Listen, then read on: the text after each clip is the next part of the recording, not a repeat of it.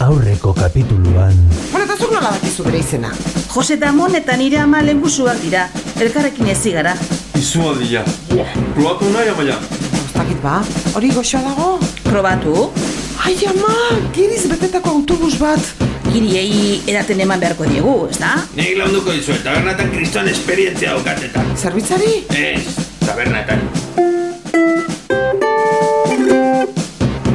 2008ko martxoan supermerkatuko kajera bikote bat funtsezko langile bihurtu zen beraien ardura etzen pandemia baten ondorioz. Haien profesionaltasunari eta lan onari esker berehala irabazi zuten planetako kajera onenen titulua.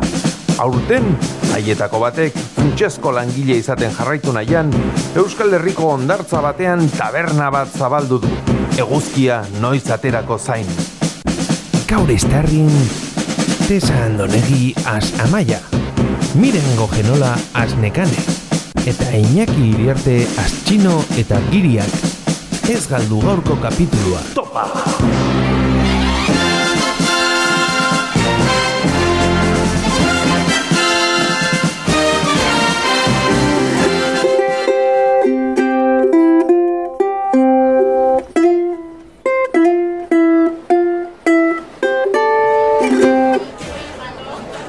Ah, yes, yes, yes. This is you. Bueno, for, for you. Coffee. Coffee. Coffee anan bezala, baina anan ez. Coffee bakarrik. With milk. Ai, ama, zeharreroak diren giriak. Eta zenbat sartzen dira autobus bakarrean. Ja, tia, nondik ateratzen da inbeste giri, zenba daude irureun? Ai, ez dakit txino, baina sekulako egarria daukate. Kaineroak berriz ere aldatu behar da. Anoa, Zenbat duzoaz, nekane? Without more, Zer? sin más. Those two beers are yours and two tequila shots. Ai, nekane. Ze ondo hitz egiten duzun inglesez? Ja, bueno, sin más. Irlandako nobio bat izan nuen behin. Ah, no bio. Ah, ja. Mutilak ere bai, ja. Bueno, normala da. Amaia, tia. Uber! Ixitu zaitez, eta aldatu kupela ja, urduritzen ari dirata. Listo, aldatuta. 14 euros, please. And two beers for you. Ah, Zenbat kobratu diezu, nekane? Ojo, kaina iru eurotan, txupitoak lau, four beers more. Baina hori asko da. Ez da jende gaixo hau engainatzea izango? Thank you. Beraiei merkea iruditzen zaie. Baina nola irudituko zaien merkea. Begira maia, tia.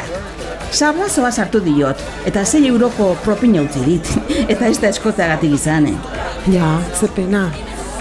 Bueno, ba, beraiek pozik badaude, ba, nire bai. Ten euro, euro, euros, please. Amaia, pasagabe. Ja, igual gehiegi ez da. For, for, te, te, no, for, for euros, please. Ez dago dalontzi garbirik, txino! Txino! Ekarri dalontzi gehiago! Anoa! Dekane, atera kainak katiluan bitartean, demorarik galdu gabe, eta jarraitu ondo kobratzen. 20 euros, please! Katilua? Gutxiago sartzen da, ta? Baina freskotasuna hobeto mantentzen da, eta prezio berdinean, txoio bat. Hori bai. Giar, your katilu of beer. In katilu more fresh. 4 euros, please. Joa maia pasatzen zea, pilo bat. Ixo, eta karri dalontzi gehiago. Beer in a cup? Are you fucking kidding me? Zer, eh, what? I won't drink my beer in a cup. Bring me a glass, please. What, what, what, what? Zer? I want a crystal glass. Kristi Crash? Crystal glass. Txirriz klas! Uh, yeah, I guess. Eh, Nekane prestatu txirriz klas bat, mesedez. Nik uste ez duela hori esan. Zer jakingo duzuzuk? Bueno, zu baino dexente ingeles gehiago dagit. Bai, bai, itzezkoa. Baina entzumenezkoan nik asko zere gehiago dakit eta argi eta garbi ulertu diot. Txirriz klas. Crystal Glass. Txirriz klas! Ez dago zute lotxarik. Zergatik ez duzu zuk prestatzen? Ba... Nik badakit. Zer daraman, eh? Baina, baina zuk nola egiten duzun ikusi nahi dut. Zer jartzen diozuzuk? Vodka, Coca-Cola eta limoizukua mundu guztiak bezala. Ai, ai, ai, ai. Banekien, eh? Ba, ba, nik ere berdin egiten dut. Baina ez dago limoizukurik. Ez da limoirik ere. Bakas limon pixka bat eta zimaz. Ai, zei dira ona, nekane, oso ondo. Giar, your katillo of chirris class. Fresh, very fresh. Ten euros, please. Jode amaia. Edalontzi gehiago, txino, edalontzi, ja? Anoa! I don't want it. I didn't order Zu it. iso, eta probatu, ba, probatu, proof, proof, proof.